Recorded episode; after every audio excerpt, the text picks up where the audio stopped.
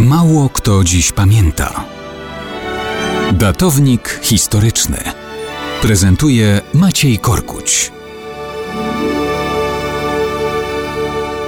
Mało kto dziś pamięta, że 24 marca 1794 roku Tadeusz Kościuszko złożył na krakowskim rynku uroczystą przysięgę. Jednocześnie ogłosił, że obejmuje stanowisko najwyższego naczelnika siły zbrojnej narodowej. To był początek insurekcji i wojny przeciw rosyjskiemu imperium. Kościuszko owiany był już sławą bohatera amerykańskiej walki o niepodległość. Był dobrze pamiętany w Polsce z bitwy pod Dubienką z czasów obrony Konstytucji 3 maja. Rewolucyjna Francja uznała go za swego honorowego obywatela. Wszystko to razem jednoznacznie negatywnie kojarzyło się carycy Katarzynie II z osobą Kościuszki. Już po rozpoczęciu powstania w Polsce caryca pisała do Aleksandra Suworowa. Znany wam z pewnością buntownik Kościuszko, podburzywszy Polskę, w swych kontaktach z potworami rządzącymi Francją zamierza wszędzie rozsiewać bunt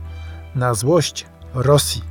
Konieczność stłumienia polskiego powstania uzasadniała więc caryca koniecznością, cytuję, wybawienia całej północy od rozwiązłości francuskiej i ukrócenia podjudzanej przez francuskie monstra rozszalałej tłuszczy warszawskiej. Katarzyna ogłosiła więc, że jest zmuszona do działań zbrojnych, ponieważ inaczej, znowu cytuję, francuskie rozpasanie rozprzestrzeniłoby się po Rosji i po całej północy.